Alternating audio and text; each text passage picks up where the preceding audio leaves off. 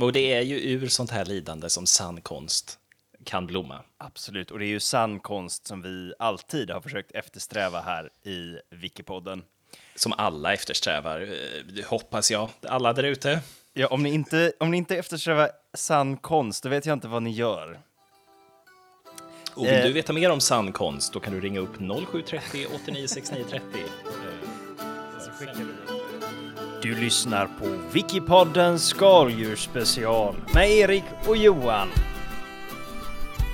Förutom din, din hemska måndag här, hur har, hur har det varit sen vi träffades sist? Eh, det, det har varit bra. Eh, vi har kommit i ordning lite i den nya lägenheten.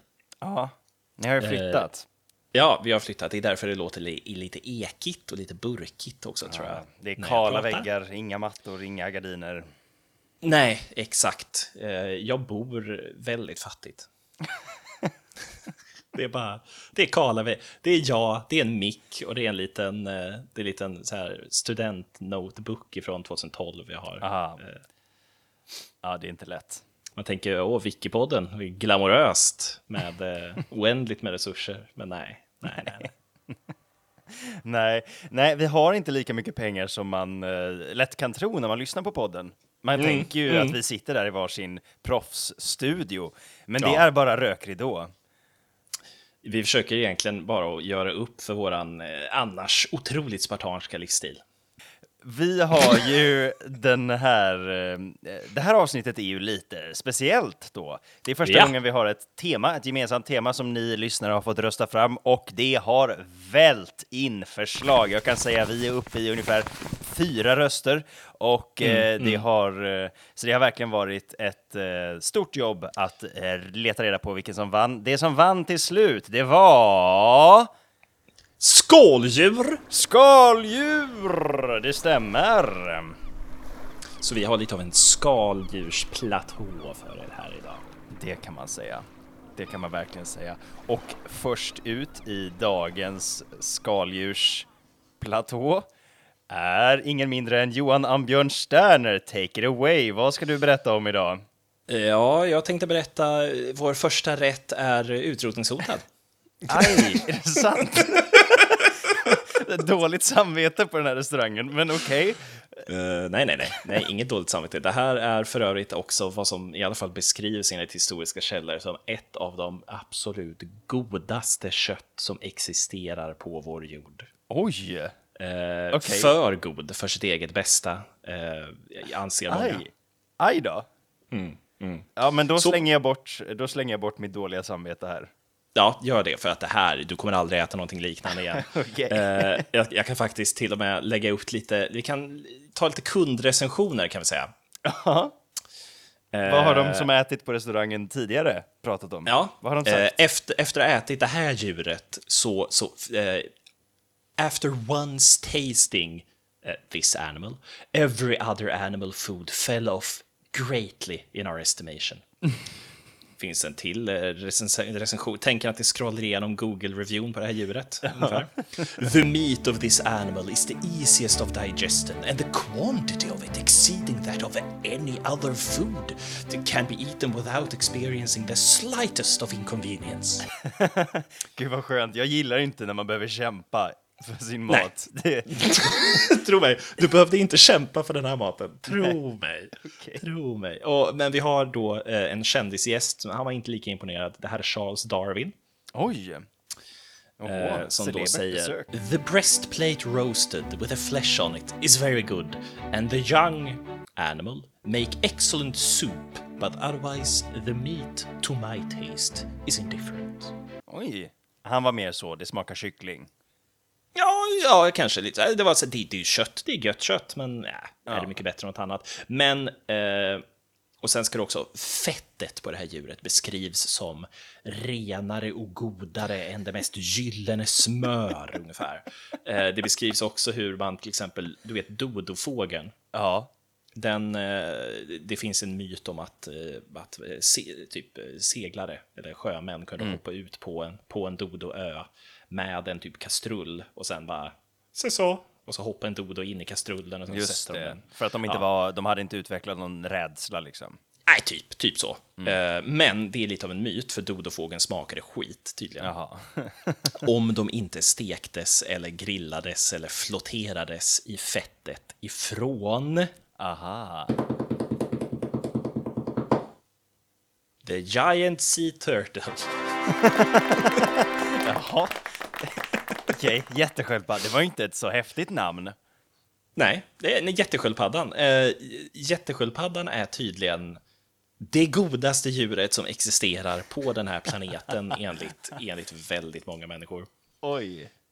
Eh, så pass gott att man, man har ätit det här, man äter ju sköldpaddor lite överallt i världen, men jag, jag kommer fokusera främst på eh, det koloniala England.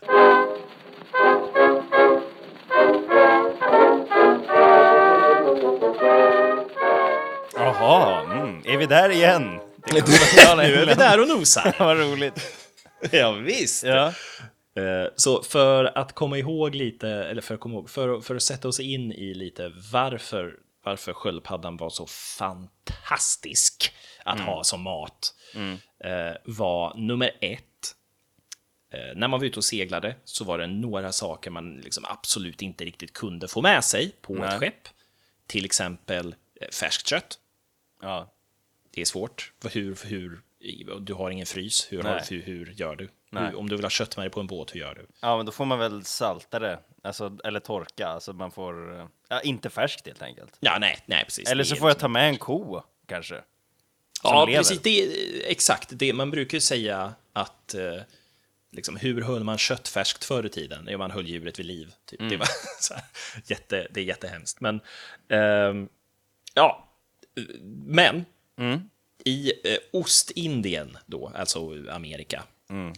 Eh, vänta, Ostindien. Nu vill inte jag göra det här igen med att vi... Västindien. Västindien måste det vara här. Ostindien, Ostindien Är, är där man äter ost. Nej, Ostindien är väl eh, det riktiga Indien, antar jag. Det är ju Indien, förlåt, Västindien. Nu, Ja. nu, nu. Våra grannar i öst. Ja, Våra grannar i Västindien. ja. Eh, det vill då säga Karibien. Där, där fanns det sköldpaddor. Eh, enligt, Mm. enligt källor utanför Wikipedia fanns det så många sköldpaddor till en början, när man precis hade börjat eh, segla ganska mycket bland de här öarna. Så pass många att man kunde hoppa mellan dem, som att man hoppade på stenar i en flod. I ett tv-spel, liksom. ja, exakt. Som, som Mario kan man tänka sig. Ja. Så, och jag menar, vem hade man kunnat stå emot det? Det är som jättesköldpaddor och du- de är bara Ja. över hela stranden. Du är seglare, du har inte gjort något annat än att typ tälja trä och dra i rep i vilken sex månader. syn. Eh, Så det var ju en grej. Mm. Nummer två, de var väldigt lätta att fånga. Men, alltså, fan.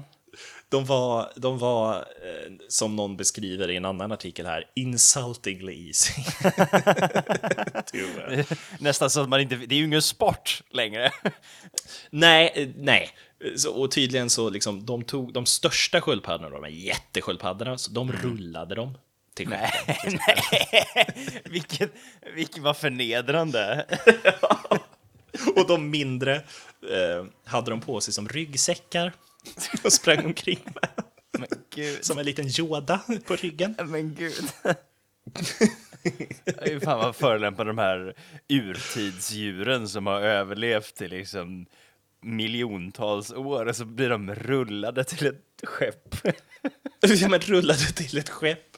Eh, där de sen också, för anledningen varför man älskade sköldpaddor så mycket, förutom då att köttet var som att Gud själv bokstavligen kommer ner och ger dig mana från liksom Så här, Ja. Förutom det så eh, kunde sköldpaddor överleva i ett år utan mat eller vatten. Vilket också gjorde att man på de här stora skeppen staplade sköldpaddor på hög nere i, i lastutrymmen. Fy fan vad hemskt, men vilken rolig grej. Ja, så det är liksom, man går in i lastutrymmet och det är bara liksom, det är bara lag hög på hög på hög på hög av sköldpaddor och så kommer, kommer kocken och bara sliter ut en sköldpadda liksom och så här. Nej, fy fan. Ja, och det som, för det blir Det är inte bara det som är bra med sköldpaddan heller. För nu Nej. fick man ju tillgång till färskt kött och det här fettet var liksom vitamin C-rikt och det var liksom... Ja, ja, ja, det var allt man behövde. De var för bra för, sin, för sitt eget bästa. Ja, och dessutom så har de en blåsa i kroppen som innehåller färskvatten. Så varje sköldpadda... varje sköldpadda ger också några liter med färskvatten. Alltså, okej, jag fattar att man gjorde det, att man tog de här. För det är ju ett tecken från Gud. Alltså, de här, de här är till för att fraktas på en båt.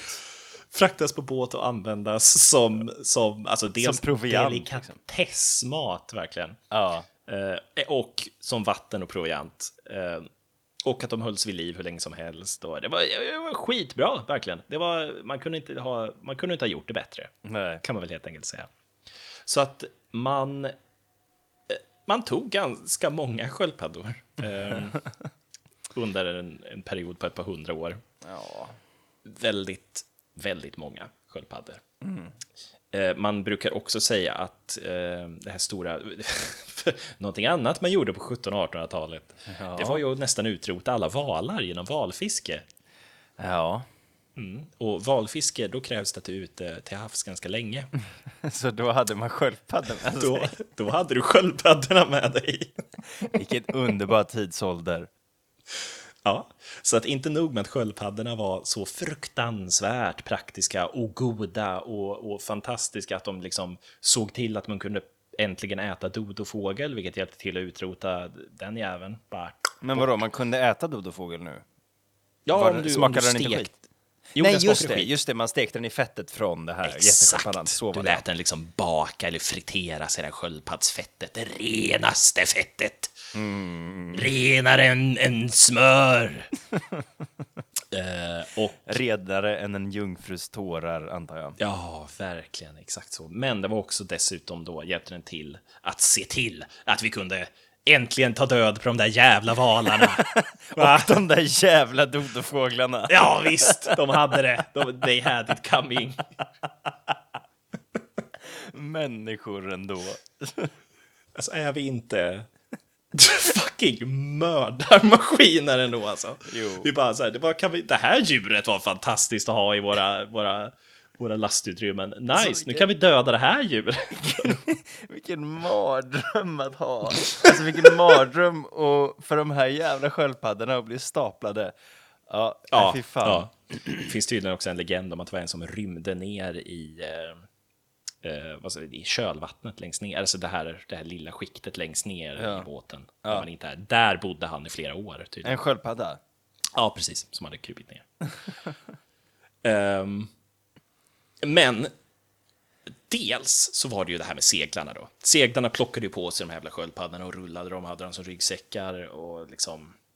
ehm, ja, de använde ju upp en hel del sköldpaddor. Eh, det finns, det här är källa QI. För det här, det här vet du säkert redan om också.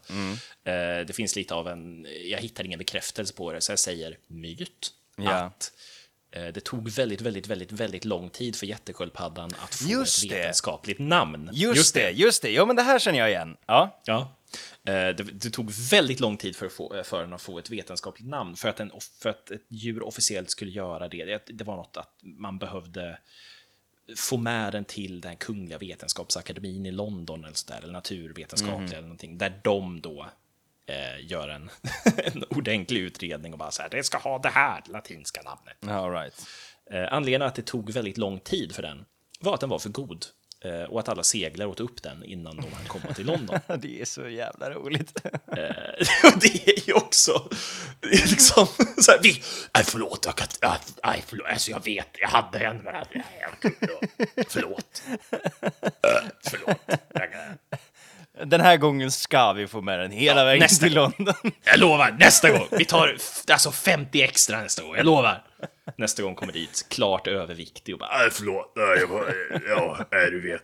Eh, Det är så jävla gott bara, det är som smör. Eh, Det beskrivs också som en blandning av, vad var det, typ kyckling och krabba. Något sånt där. Åh, fy fan vad gott. Fy Ja. fan vad gott. Jag är ju alltså krabbfan nummer ett, skulle jag själv vilja eh, säga. Nu, ja, okej, Ja. förlåt, jag vill inte ta det från dig. Jag vet att du också gillar krabba. Eh, men eh, helvete vad gott det är med krabba. Och kyckling, det kommer jag inte riktigt ihåg hur det smakar, men, man, men det är ju lättätet. Ja, det är det ju. Det är ju väldigt mjällt. Är det ju.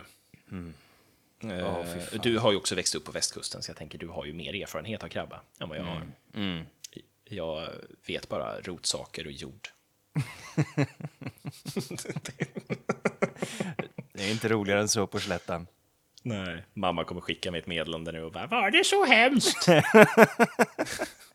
ja, i, I alla fall, eh, men, men nu har vi ju liksom då klargjort, vad ska man säga, de lägre rangerna i samhället här, det vill säga seglare, pirater älskar också, älskar också sköldpadda. Men man får ju också då tänka att eh, sjömän var ute till sjöss i månader, ibland år i sträck. Det enda de åt var liksom hardtack heter det på, på engelska, men vad heter det på Ja, svenska? är det typ en skorpa eller? Eh, skeppsskorpa heter det. Så heter det. Just det. Eh, skeppsskorporna var hårt torkade och kunde därför faras länge till, sjö- till sjöss. Skeppsskorpor gjordes ibland annat genom att ta två avlånga degstycken som jästes och bakades och vändes för att de skulle bli likformade på bägge sidor. Eh, ja, fruktansvärt hårt gammalt kött, helt enkelt. Kött, bröd. Ja, Eh, det låter inte så sexigt. Nej, och eh, absolut inget smör heller, för att det vet man hur det går. Så att eh, man kan ju tänka då att det är väldigt lätt för de här utmattade, sönderhungrade skepparna som knappt har ätit färskt kött på flera år, Ja, eh, att då kanske överdriva lite. just det, när de beskriver den här sköldpaddan. Hur jävla god den var för det första köttet de har ätit på ett år. Exakt, förutom kanske färsk fisk och lite krabbar de hittat eller liksom, du vet sådana saker. Men, men man kan ju tänka sig då att så här, åh, det är färskt kött och det är som att det är som att alla gudar i himlen har bara skapat mig. Alltså, så här, jag, jag, jag fattar ju liksom att man kanske då går Man får ta det med en nypa salt, det är deras um, vittnesmål. Ja, eller är det det? För att här, jag gör det här i varje avsnitt har jag märkt att jag var plötsligt, eller? Ja, det är bra. Du vet hur man skapar en story, en intrig. Wow, just det. För det visar sig också, och nu, nu kommer jag att kvotera, för att min, den artikeln jag valde först, nu, det här har blivit en mishmash av massor med Wikipedia-artikel, men Okej. den jag vill fokusera på nu är sköldpaddssoppan. Jaha, Sköldpaddssoppan, den engelska varianten, attributeras främst till, den, det är den största anledningen varför sköldpaddan idag är utrotningshotad. nej. Det, och det är för att den blev otroligt populär bland adeln och överklassen. Alltså. Så att eh, eh, den, den är liksom inte, det är ju inte bara det här att man tänker att ja, men det var, ja, det var utsvultna sjömän som överdriver lite. Nej, nej, nej, nej, nej, alltså adelsmän, kungafamiljer, allihop älskade sköldpaddssoppa. Alltså älskade sköldpaddssoppa. Eh, det, det finns citat här, till exempel har Lord Dudley sagt Of British soup, turtle always takes precedence in the list of honor. jag älskar att det är British soup. Ja, det här är en quintessential British soup. Ja, när jag tänker på brittisk mat, då tänker jag på karibisk sköldpadda. absolut, absolut. Ja, verkligen. Det är, det är det första jag tänker på. Vi kommer till den mer brittiska varianten om en liten stund. Den, är, den känns mer brittisk. Den mer brittiska varianten av vad? Av sköldpaddssoppan. Jaha, jaha, jag trodde det var så här, eh, någon som var mer brittisk än Lord Dudley. Ja! För det är s- svårt att tänka sig. Vem Jag skulle tänker ju vara mer också att det är Lord Dudley från Harry Potter såklart som, som säger det. Han har nog klämt i sig ett par paddor, tror jag. Ja. Du, gud, tänk om det var modernt idag. Så, äh, ska vi dra ner dra några paddor på... Ja, nice ändå. Nej! Ja, Ja, men sig. nej, alltså om det var en, om det inte var utrotningshotat och det fanns en, och om det fanns jättemycket sköldpaddor. Ja, jag vet inte. Jag blir ju väldigt hade- sugen på den här sköldpaddan nu när du sitter och pratar så väl om den. och jag, är ju, jag jag, äter ju inte kött, men ja. inte... Eller? Eller ja, jag menar, jag käkar ju krabba, så Ja, jo, det är sant. Men, men krabbor är väl lite mer som insekter, eller? ja, precis. Om man ska argumentera så. Jag hade kunnat äta vilken insekt som helst så länge det kokade öl, dill och, och salt. Typ. Det är liksom... Eh, nu, nu gled vi av ämnet ja, här. Lite. eh, tillbaks till dig. Eh, nej, ja, nej, ja, vet du vad? Fuck it. Prata krabba lite. Jag var väldigt länge sedan jag åt krabba faktiskt. Nu blir det krabbsnack!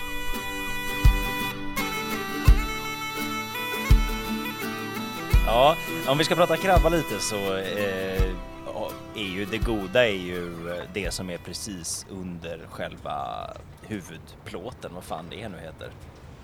Och sen har man Ja, ja, men alltså det som man alltid får serverat om man ska få lite krabba, det är ju en sån krabbklo. Och visst, Men, ja, det är det, gott. just det. Det är gott. Men det godaste är ju själva kroppen som man bänder Ja. upp eh, skallbenet eller vad, vad man ska kalla det.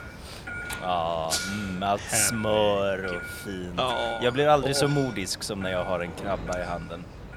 Nej, och, och en lime och lite aioli och bröd. Mm. Ja, nu blev jag hungrig.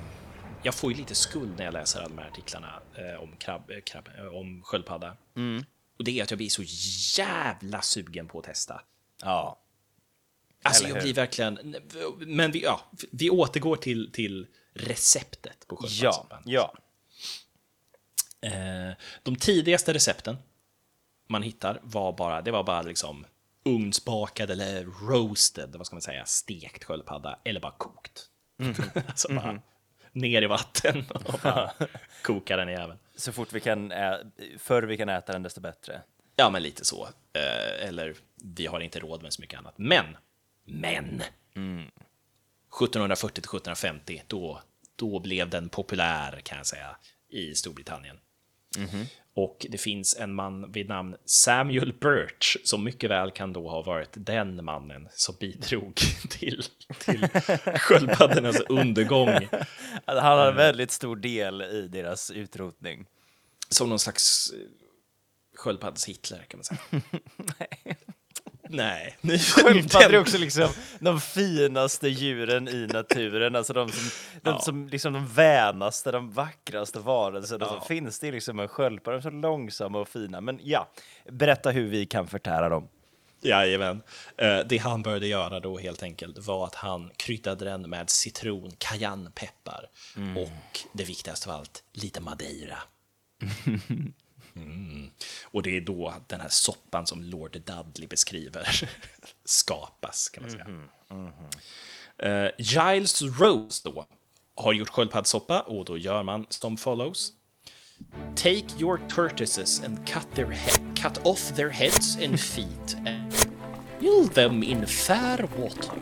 And when they are almost boiled, put them some white wine, some sweet herbs, and a piece of bacon, and give them a brown in the frying pan with good butter. Then lay upon your bread a steeping in good strong broth, and when seasoned, garnish the dish with green sparrow grass, asparagus alltså, uh, Jaha, and jaha. lemon over it. Det är då ett recept från 1862. Fan vad gott. Mm. Enligt en mathistoriker i alla fall så säger den mat, för att det här blir ju jättepopulärt, så en mathistoriker säger då It is difficult to overestimate the magnitude of the demand for turtles during the period of the soup's popularity. As many as 15,000 turtles were shipped live to Britain from the West Indies. Men gud. Ja, ja, de skulle vara levande också då, för att de skulle Ja, ja. vara så goda som möjligt. Såklart, och färska. Men det som också är intressant är att ju längre det här pågick, den här trenden, desto dyrare blev soppan, därför ju mindre sköldpaddor fanns det. Vilket, eh, då, kom ihåg det, för vi kommer snart in på det också. Ja. Men eh, det sägs också, ska vi se här, ja, här har vi en till snubbe som beskriver köttet. Its flesh is between that of a veal and that of a lobster and is extremely pleasant. Ah, kalv och hummer, de två liksom toppkötten i världen. blandat med varandra. Precis. Eh, och det, det sägs då att det finns, eh, det fanns inte en enda dagbankett som eh, the Lord Mayor of London gjorde, där det inte fanns sköldpaddssoppa. Nej, nej, nej. Det skulle fan ingå alltså. Nej, och den här samma, samma mathistorikern skriver då It is probably not unreasonable to hold several generations of aldermen and other civic leaders responsible for eating the turtle almost to extinction. Så det är alltså då britt, brittiska myndighetsmän ehm, Utrotar eh, sköldpaddan genom soppförtäring. Ja, Herregud. magen först kan man säga. Ja. Eh, på ungefär 150 år har man då ätit upp alla sköldpaddor i hela... Det är ju helt sjukt. Är, finns det något annat djur som har liksom någon som kommer i närheten av eh, sätt att utrotas på? Alltså det var Eh, sån delikatess. Romarna utrotar väl i stort sett lejonen i typ hela Europa tror jag. Men var det för att äta? Nej, det var ju för att slå ihjäl i Colosseum och såna grejer. Jaha, ja det är ju faktiskt, det är ju lite på samma nivå. Ja, det är på samma nivå. Och sen vet jag att romarna, eh, de knullade sönder en planta. Bokstavligen. alltså, eh, den... Det här är, en, det här är ett annat avsnitt, alltså va? Ja, nej, nej. Ja, ja, men väldigt snabbt. Den plantan hade... eh, Man kunde göra bort med den plantan. Den hade liksom preventiva, Aha. preventiva funktioner. Vilket Vad betyder att man kunde använda Ja, visst, det var jättefiffigt. Eh, Men inte för Tills den plantan tog då. slut. Ja, gud. Okej, okej, sorry. Förlåt. Eh, ja, så att eh, den börjar då ta slut, sköldpaddan. Dels börjar den ta slut, men dels som, som med allt annat så vill ju medelklassen eh, härma överklassen. Men har, kan- har kanske inte alltid medlen. Så istället för att åka till Dubai kanske man åker till Ibiza. eh, Ibiza Nej, kanske. kanske. Det Ja. var väldigt tidigt 2000 känns Ibiza. eh, det var tänkt istället för att åka till Dubai kanske man åker till Qatar. Jag vet inte. Jag vet inte. Jag är inte. Jag är inte rik. Eh, om, ni- om ni Om ni någonsin har velat åka till Dubai men har åkt någon annanstans, eh, skriv till oss så vi får reda på vart man åker om man inte har råd att åka till Dubai. Exakt, tack så mycket. Yes. Ni kan göra det anonymt också. I alla fall. Så då började man göra någonting som heter mock turtle soup. Ja, Alltså då eh, imitationssköldpaddssoppa. yes. Som var, gjord, som var gjord för att imitera sköldpaddssoppan så mycket som möjligt. Vilket också gjorde, eh, för den soppan i sig blev skitpopulär och Ah, var ja. skitgod. Ja. Så att oftast så serverades båda två samtidigt. Men mock turtle soup då var en eh, billig imitation. Varför var den billig? Jo, för den använder eh, organ på kalv istället för eh, sköldpadda. Och kalv finns det ju överallt. Du, du kan knappt kasta en sten utan att hitta en kalv. Nej, nej, visst. När jag växte upp på, på Slätta så eh, det var eh, det var som skadedjur. Eh, gnag på kablar, ner i Hittar källaren. de och under bara- brädorna och... Hitta, det är en jävla kalv i vattensystemet. Liksom. Det är överallt här. Så att man förstår ju att det är billigt med kalv. Ja. Och vad använder man på kalven? Här har vi då ett recept från Martha Lloyd. Eller, ja, nej, förlåt, det är Mrs Fowles Mock Turtle Soup. Take a large calf's head. Jag kommer inte orka göra den. Nej. Scald off the hair. Boil until the horn is tender. Then cut it into slices about the size of your finger with as little lean as possible. Lean är då Eh, ja, scener. Eh, have ready three pints of good mutton or veal broth. Put it in half a pint of Madeira wine, half a teaspoonful of thyme, pepper, a large onion, and the peel of a lemon chopped very small.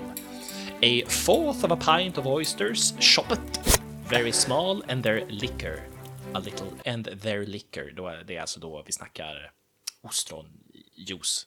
Uh, a little salt, the juice of two large onions, some sweet herbs, igen, sweet herbs, and the brains chopped. Stand all these together for about an hour and send it to the table with the force meatballs made small and the yolks of hard eggs. Nej, vänta.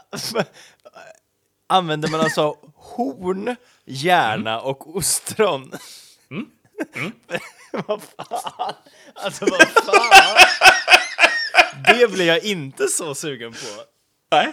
eh, Det, det, det känns som någon form av så här ohelig ritual för att liksom försöka liksom... Så här, Framkalla sköldpaddssatan.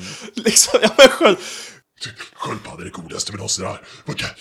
Jag måste... Vad har vi? Uh, en, en, en, vad ska man säga, increasingly desperate samhälle Ja. efter, efter att ha blivit beroende av sköldpaddskött. Hela Storbritannien har blivit hooked på sköldpaddor. Ja, så då, det är liksom deras opium kan man säga. Plus Ja. opium då på riktigt. Men, Just det.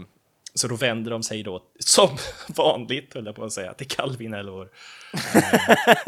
Att det är alltid där man hamnar till slut. I brittisk matlagning är det alltid där man... Men det är ändå lite mer brittisk matlagning i mina öron än, Ja. eh, än eh, karibisk sköldpadda. Koka, koka hela tjurskallen tills, eh, tills hornet är mjukt. Då, då. Alltså hur länge behöver man koka ett horn för att det ska bli mjukt? Vad fan? Jag vill ju typ testa också. Jag är lite sugen på att testa det här också. Alltså det här, det här receptet skulle ju gå att testa idag. Ja, det, Alltså här, rent, det, ja, Ja, det går ju det här- att genomföra.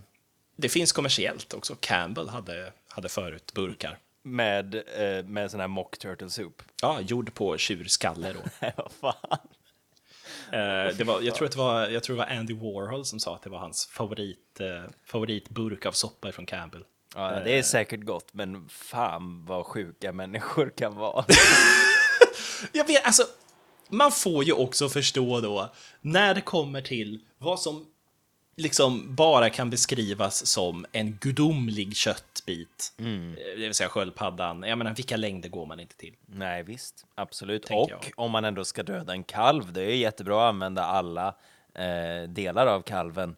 Men, Mm. eh, men jag kan tänka mig att den här Mock Turtle Soups popularitet orsakade även en eh, minskning av kalvar ute på landsbygden. Jag, jag tror inte vi behöver vara, vara så rädda för kalvarna faktiskt. Nej, nej, Ska- de är ju skadedjur som sagt. De gnager på kablar och eh, hur mycket fiberkabel som helst där ute på landet. Alltså, om man bor på landet så då vet man vad jag snackar om. De gräver upp de jävla fiberkablarna, Ja, det är sliter därför det blir så svårt att dra ut fibernät till hela Sverige. Det är ju kalvarna oftast. Ja, de är smarta också, de kan öppna dörrar till exempel. Ehm, de vet hur man använder eh, grundläggande verktyg. Eh, de kommer ihåg Göteborgs ansikten. stad har ju börjat installera sådana här galler med spjut som fälls ner i kloakerna för kalvar Ja. eh, när de går förbi. Så Ja. de känner av och så bara... Det är smart ändå. Eh, man, man vill ju att liksom, ta vara på det, men oftast är ju kalvkött ganska sjukt. det är ju skamsigt.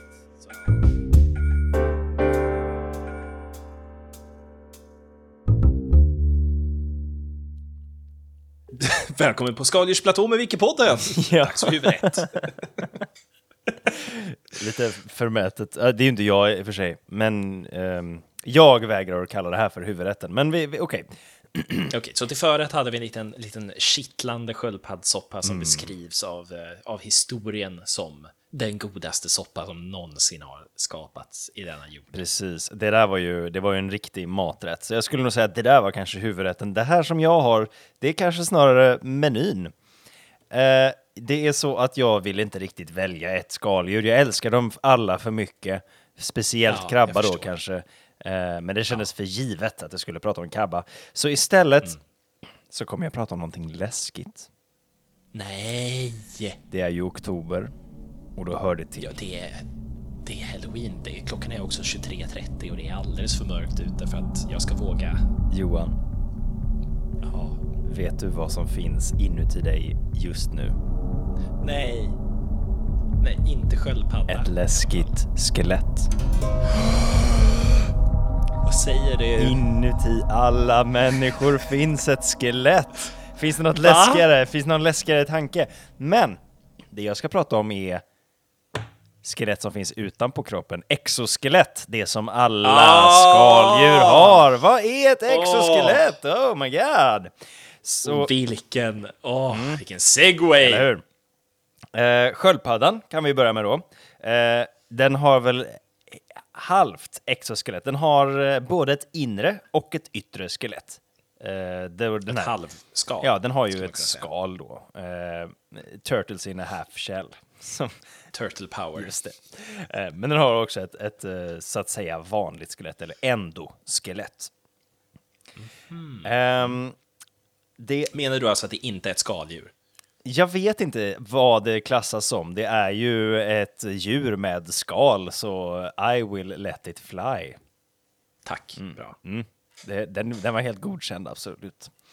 eh, de eh, skaldjur som jag tänker prata om är ju snarare, eller de exoskelett som jag tänker prata om är framförallt de som är helomslutande, ehm, som då eh, leddjur har. Alla leddjur har ett exoskelett och till leddjuren hör till exempel insekter, spindeldjur, kräftdjur och tusenfotingar, men också de numera utdöda trilobiterna. Undrar hur de smakade. Ja, antagligen torftigt. Ja. Leddjurens exoskelett är ett hudskelett, kallas det. Eh, Det är alltså hela vägen runt, så att säga. Det består av en kutikula. Det är alltså ett skyddande lager runt något levande. Kallas för Skyddande norskt. Skyddade norskt lager. en kutikula. Eh, Kul. som inte består av celler, som, som vår kropp gör. Nej. Utan av ej levande material. Alltså inte Jag tror du skulle säga aliens. aliens. Jag trodde... Åh. Eh, nej, det är alltså uh, ej levande material som har utsöndrats av hudens celler. Så typ som eh, naglar, antar jag då, mer. Snigelskal, typ. Ja, precis. Så tänk att din, din na- nu blir det läskigt igen. Tänk att dina naglar växer och växer och växer och växer och växer, slutar aldrig växa, de växer runt fingrarna och nej, omsluter nej, hela nej. handen och växer upp och omsluter armen och sen omsluts hela du. En dag vaknar du upp och du har nagel över hela dig som omsluter dig. Fan, nej sluta! Åh, vilken jävla body horror alltså. Fuck me! Uh. De här exoskeletten eh, utgör bland landlevande leddjur ett viktigt skydd mot uttorkning. Mm. Men det är ju inte de landlevande leddjuren vi ska fokusera på, eller hur? Nej, vi vill ha de goda salta. Från det Precis, färska vattnet. Det precis. färska kalla vattnet i Atlanten. Och de behöver inget skydd mot uttorkning, men det här eh, exoskelettet är ju ändå bra skydd mot andra eh, former av hot, alltså typ press, eh, liksom, eh, slag och sånt. Och eh, det är ganska effektivt eh, skydd, ett exoskelett. Kan man tänka sig. Det är ju liksom pansar runt hela dig istället för det här mjuka som vi eh, går och dras med. Vet du, varför, eh, vet du varför krabban var så bra i stressiga situationer? Eh, nej. För han tålde press. Ja. Ja. Förlåt. Ja, men det, det, det, det, ja, men det var bra. Det var ja, men absolut, det var bra. Det yttersta lagret av leddjurens... Känns inte. Får du ibland känslan av att, av att eh, typ en, en kompis säger någonting, att de säger att någonting var bra, men du får känslan av att de inte tyckte det var bra? Eller så här, får du ibland den känslan? Mm, nej, jag tror att alla pratar eh, är ärliga när de, de, de säger sånt. Ja, okej, nej, Det okej, yttersta lagret av leddjurens... Det yttersta lagret av leddjurens Ja. exoskelett består av vaxigt vattentätt lager. Just det. Under detta lager finns eh, eh, eh, fler lager som bland annat innehåller ett ämne som heter kitin eller chitin, I don't really know. En eh, aminopolysackarid, det är alltså en typ av eh, socker. Ja. Eh, som... Eh, eh, Jag tror att jag har sett det här i schamporeklam. Jaha. Så att man ska Eller- få eh, styrkan av en krabba i sitt hår. Den fruktansvärda styrkan av havets skaldjur nu är tillgängligt. är du trött på ditt bräckliga hår? Vill Det är du ha så- kalciumliknande utväxter? Hårproduktsreklam för män. Mannens hår kräver stora påfrestningar. Gud, och vilken påfrestning är inte större än Atlanten? Inspirerat av krabbans egna skinn. I alla fall. allt det här fina och sockret och kitinet och allt och proteinerna gör att Ja. den här kutikulan blir Kutikul. motståndskraftig och hård. Åh! Precis som krabbbalsamet som vi kommer lansera. det som är intressant det är att alla leddjur Ja. som ju har ett sånt här omslutande exoskelett ömsar sitt exoskelett. Yes. För att eh, det finns liksom ingen naturlig väg att växa i sitt exoskelett. Det är en av nackdelarna med att ha ett helt exoskelett. Som har Ja. samma kläder på sig sen du är sex år gammal typ. Ja, precis. Ja, men tänk, tänk sköldpaddan. Om skalet fortsätter växa så kan ju kroppen växa där under, för det är ju mjukt och finns ju utrymme till att växa i, i en riktning. Eh, och skalet växer ju faktiskt. Eh, Kanske... mm, Men, men ett leddjurs eh, kropp, det blir mycket svårare att få det att expandera samtidigt som kroppen, på, av någon anledning, på något sätt. Så att då måste de ömsa sitt skelett. Och när de gör det, då är de väldigt, väldigt sårbara. Såklart. För att de är mjuka och... Svaga, till skillnad från om de hade använt krabbschampo från Wikipodden. Precis. Så de, eh, så de oftast i dessa perioder så går de och gömmer sig, gräver ner sig eller så. Åh! För att de är, vill inte, de är sårbara utan sitt de yttre är- hårda skal. För de är mjukisar. Ja, och de är ju så vana vid att vara hårdisar så att det blir svårt Ja. när de blir mjukisar. Ehm, Är du trött på det tryckande manliga idealet av att alltid vara hård? Köp vad kommer nu? Vad, kommer nu? mjuka krabbschampot ifrån Wikipodden. För henne. Åh nej! Här tänkte jag, här tänkte jag promota eh, heter det, eh, hälsosamma mansideal. Men Ja, nej, nej, nej, nej, inte när vi ska sälja saker. nej, okej, förlåt. Uh, jo. Det är ju då, eh, finns ju fördelar med exoskelett och det som är lite svårt förutom det här med att växa, det är också ehm, leder kan vara lite kluriga. Eh, Led, alltså, ja, ja. Alltså inte motorvägar utan vingar som ska röra sig på, Ja. eh, eh, på eh, något skaldjur. Eller på Ja, något, precis. ja. Då är de lite, då, då finns det liksom olika hårdhet i det här skalet. Beroende på dess uppgift. Så vissa Mm. delar av skalet kan vara lite mjukare då för att eh, kunna eh, väckas. ja, men som när man äter kräfta och bryter av i mitt, med som mitt mellan klon och armen, ungefär. Ja, just det, precis. Just det, Ja. precis. Ja, Och eh, de har ju muskler då som sitter innanför sitt skelett istället för utanför. Eh, och eh, det funkar ju bra. Vi vet ju att myror är väldigt starka. De är ju sådär så att de kan lyfta många, många gånger sin egen vikt. just det. Och det funkar mycket tack vare deras exoskelett. Men om vi hade haft ett exoskelett, som var, om vi var så stora, eh, eller om det var en, en, en människostorlek på en myra, så eh, hade den liksom krossats under sin egen vikt, för att det blir väldigt, väldigt tungt om man ökar storleken.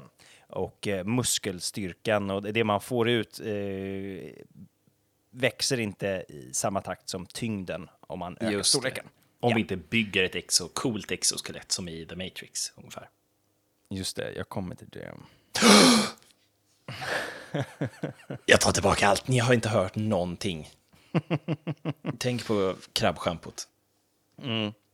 Eh, just det, jag glömde en grej. Om vi går tillbaka till det här med hur, hur man växer. Ja, Eh, hur växer man? Ja, som jag sa, man behöver ju då... Eh, Mat, vatten, nej, energi. solljus. Man Solljus. behöver ju... Eh, nej, men de, som jag sa, de behöver ömsa sitt skelett. Ja, precis. Är ormar skaldjur då, eller leddjur? Mm, nej, de Nej, har... nej. Nej, nej, det... Det var en, det var en otroligt dum fråga. Eh, jag vet inte varför jag ställer den. Förlåt, får återgå till. Nej, men deras skelett, de, det kommer liksom i en ny, eh, en ny form. När de får ett nytt exoskelett så är det en ny fast eh, form som inte växer då. Och under deras tid som de är sådär sårbara och fina och använder det här andra schampot så, så måste de liksom bulla upp sig ordentligt för att det som ska hårdna runt dem, den, det som de ska sekreta genom sin hud. För det är så det går till. De liksom pressar ut eh, skit och sen så stelnar det runt dem. Så de måste bulla upp sig ordentligt så att det nya blir stort så att de har plats att växa just det. inuti det. Just det. Ja. Eh, det kan gå fel och det Ah, kan okej. bli så att, en, eh, att de har ett för litet skal eh, och att de inte hinner bli av med sitt skal innan de växer sig större inuti det. Så- så spricker? Det, då spricker de inte utan de kvävs inuti sitt eget skal. Nej. Jo. Nej, som med naglarna igen. Ah. Som med naglarna igen. Ah. Precis. Nu kommer det tillbaka. Och detta har vi människor då som är så härliga och uppfinningsrika. Vi har lyckats utnyttja det. Nej, Eh, men- Det är en, en mekanism i vissa sådana här gifter. Eh, vad heter det? Pesticides. Insektsmedel. In, insektsmedel, insektsgifter, eh, gör den orsak, eller mm, orsakar det då för vissa sådana insekter att de inte längre kan ömsa sitt eh, skelett. Så, att att de, de- bara växer så, Så att, de, dör fortsätter på fläcken. växa. Nej, de dör inte på fläcken, utan eh, det är väl snarare en långsammare period då. Alltså det, nu har inte jag... Nej. Det här står bara lite mindre, men så att de så här, nästa gång det är dags att ömsa skelett så kommer de inte kunna göra det. Så uppfattar jag det snarare. Utan bara växer till som bokstavligen bara... bara Kvävs inuti sig själva. Ja. Fattar Men du vad herre- jävla vidrigt alltså? Varför är vi så här? Varför? Va, va, Vem men- liksom så här... Ja, men kolla på de här krabborna. Det... Fan, men jag kan döda insekter, kväva dem till döds i sin egen kropp. Man bara... Du, för du kan ju ge dig fan på att om vi hade hittat några utomjordingar eller någonting som hade exoskelett, det första vi hade gjort var ju bara så här spruta lite roundup på dem eller någonting. Ja, ja, absolut. Och så bara... Det som eh, är lite intressant i eh, evolutionen, det är att det har uppstått exoskelettdjur typ 18 gånger oberoende av varandra, vilket ju är helt sjukt. Det är liksom en sak som eh, en väg som livet tar väldigt många gånger när det skapar nytt liv så är det så här, äh, vi provar exoskelett. Så det, det har liksom hänt 18 separata gånger. För det är ju helt sjukt. Alltså i helt separata biotoper, helt separata områden, i helt separata... Alltså livet, vi vet ju inte riktigt hur livet på jorden har uppstått. Men eh, man vet ju då att det uppstod på någon gång och sen har det gått ut från där. Så jag säger inte att livet, själva livet har uppstått 18 gånger, men ifrån det här ursprungslivet så har man eh, eh, så har det uppstått exoskelett 18 gånger oberoende av varandra. Det är ju ganska sjukt. Ehm, jag ser det här, det är 18, ja, precis. För det, fin- det, finns, det finns någon teori om att eh, om vi någon gång, återigen, nu blev det rymden igen, men om vi någon gång säger att vi reser runt i rymden och börjar upptäcka nya världar och sådana saker, att för vi tänker ju att, att ah, utomjordingar kommer se ut som stora blobbar med miljoner tentakler och grejer. Men att det finns en teori om att, så här, ev- att evolutionen i stort sett är mer av en naturlag än vad det är en slump kanske. Så att antagligen så kommer saker i rymden se ish liknande ut som de gör här. Och i så fall kan man ju absolut tänka sig att de skulle ha exoskelett eftersom att det verkar vara en ganska vanlig väg för livet att gå. Ja, men skydds, skyddsgrej. Så det, det, är, det är ju faktiskt väldigt spännande att det... En sak som är lite svårt eh, att förstå, det är, eh, eller att ta reda på när det kommer till evolutionen av exoskelett, det är materialet som har använts eh, för att eh, skapa de här exoskeletten. Det som finns kvar av fossilrekord, eller fossillämningar, Ja. återigen, jag hoppas att eh, min syster, arkeologen, inte lyssnar på det här, så är det då mineraliserade exoskelett, alltså typ sånt som liknar sten. Kalciumnaglar, typ. Precis. Sånt som vi ser omkring oss nu. Men det är teori... För att det är de enda liksom, det är de som är hårda, tillräckligt hårda för att eh, bli fos, fossiliserade. Vad det nu heter. Ja, ja jag, har inget, jag, jag vet inte, jag har ingen aning.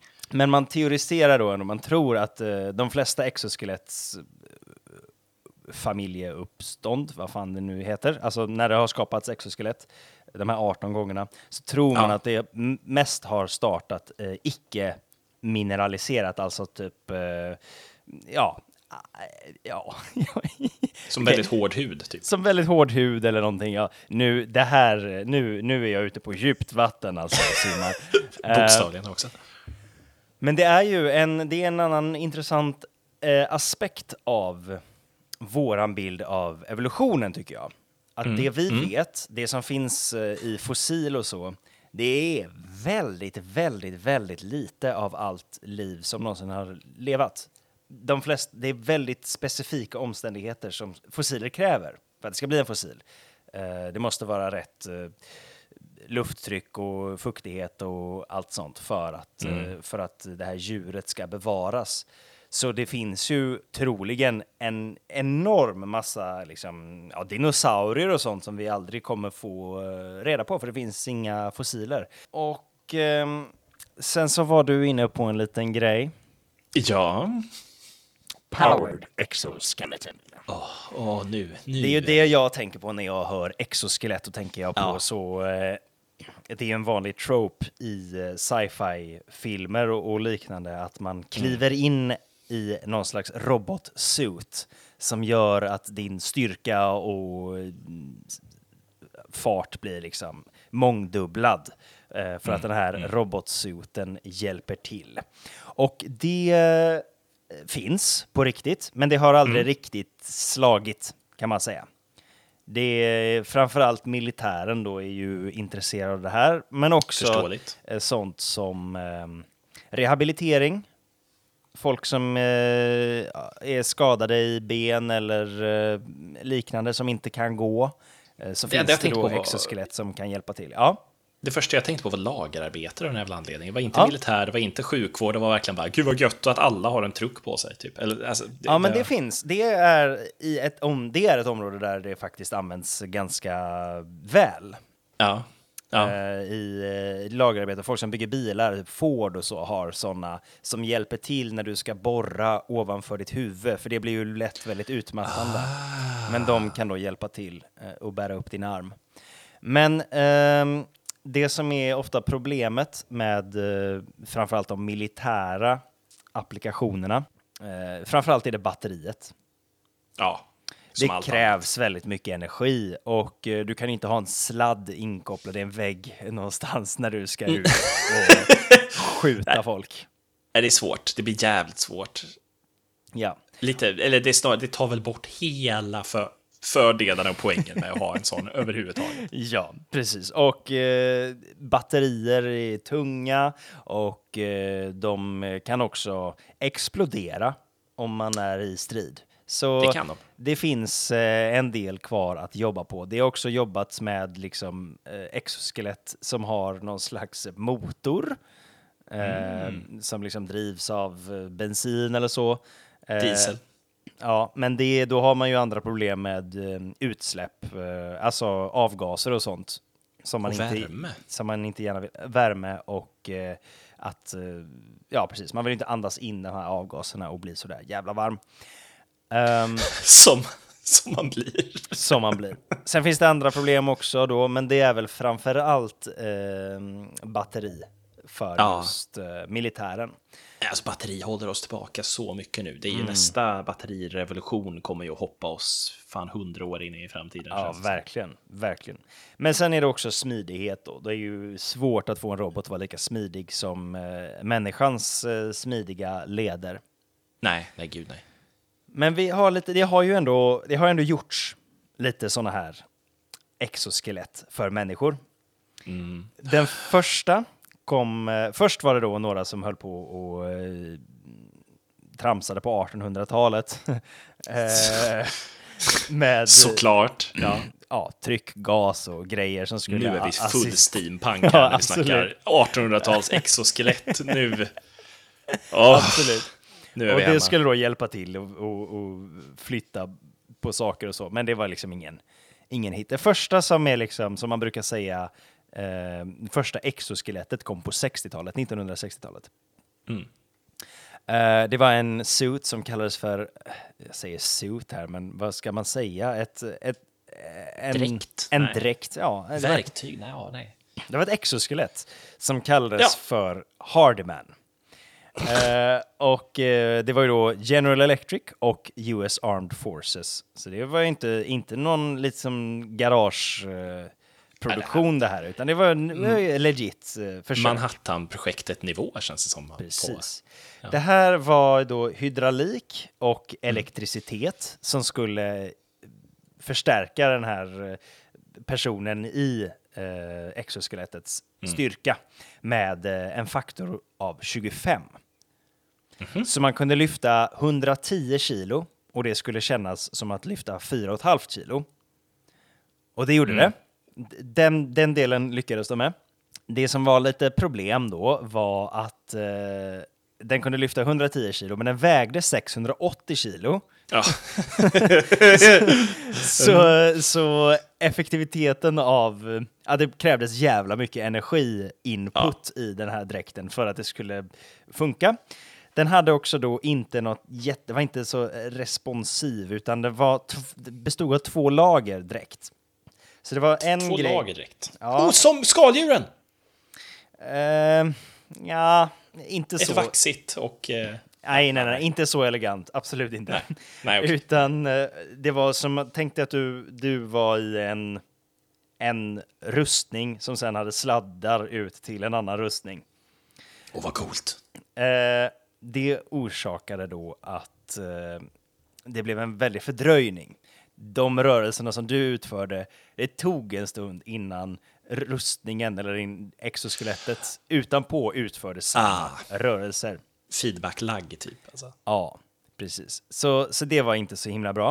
Eh, det var också när man startade upp den så, så fanns vissa buggar som liksom ibland gjorde att den ryckte till på lite Nej. Nej. våldsamma och dåliga sätt, vilket var väldigt skadligt för personen i Ja. exoskelettet. Det, det, det enda jag haft i mitt huvud när jag pratar om det här, den här scenen från Iron Man 1, när de försöker återskapa Iron Mans exoskelett då.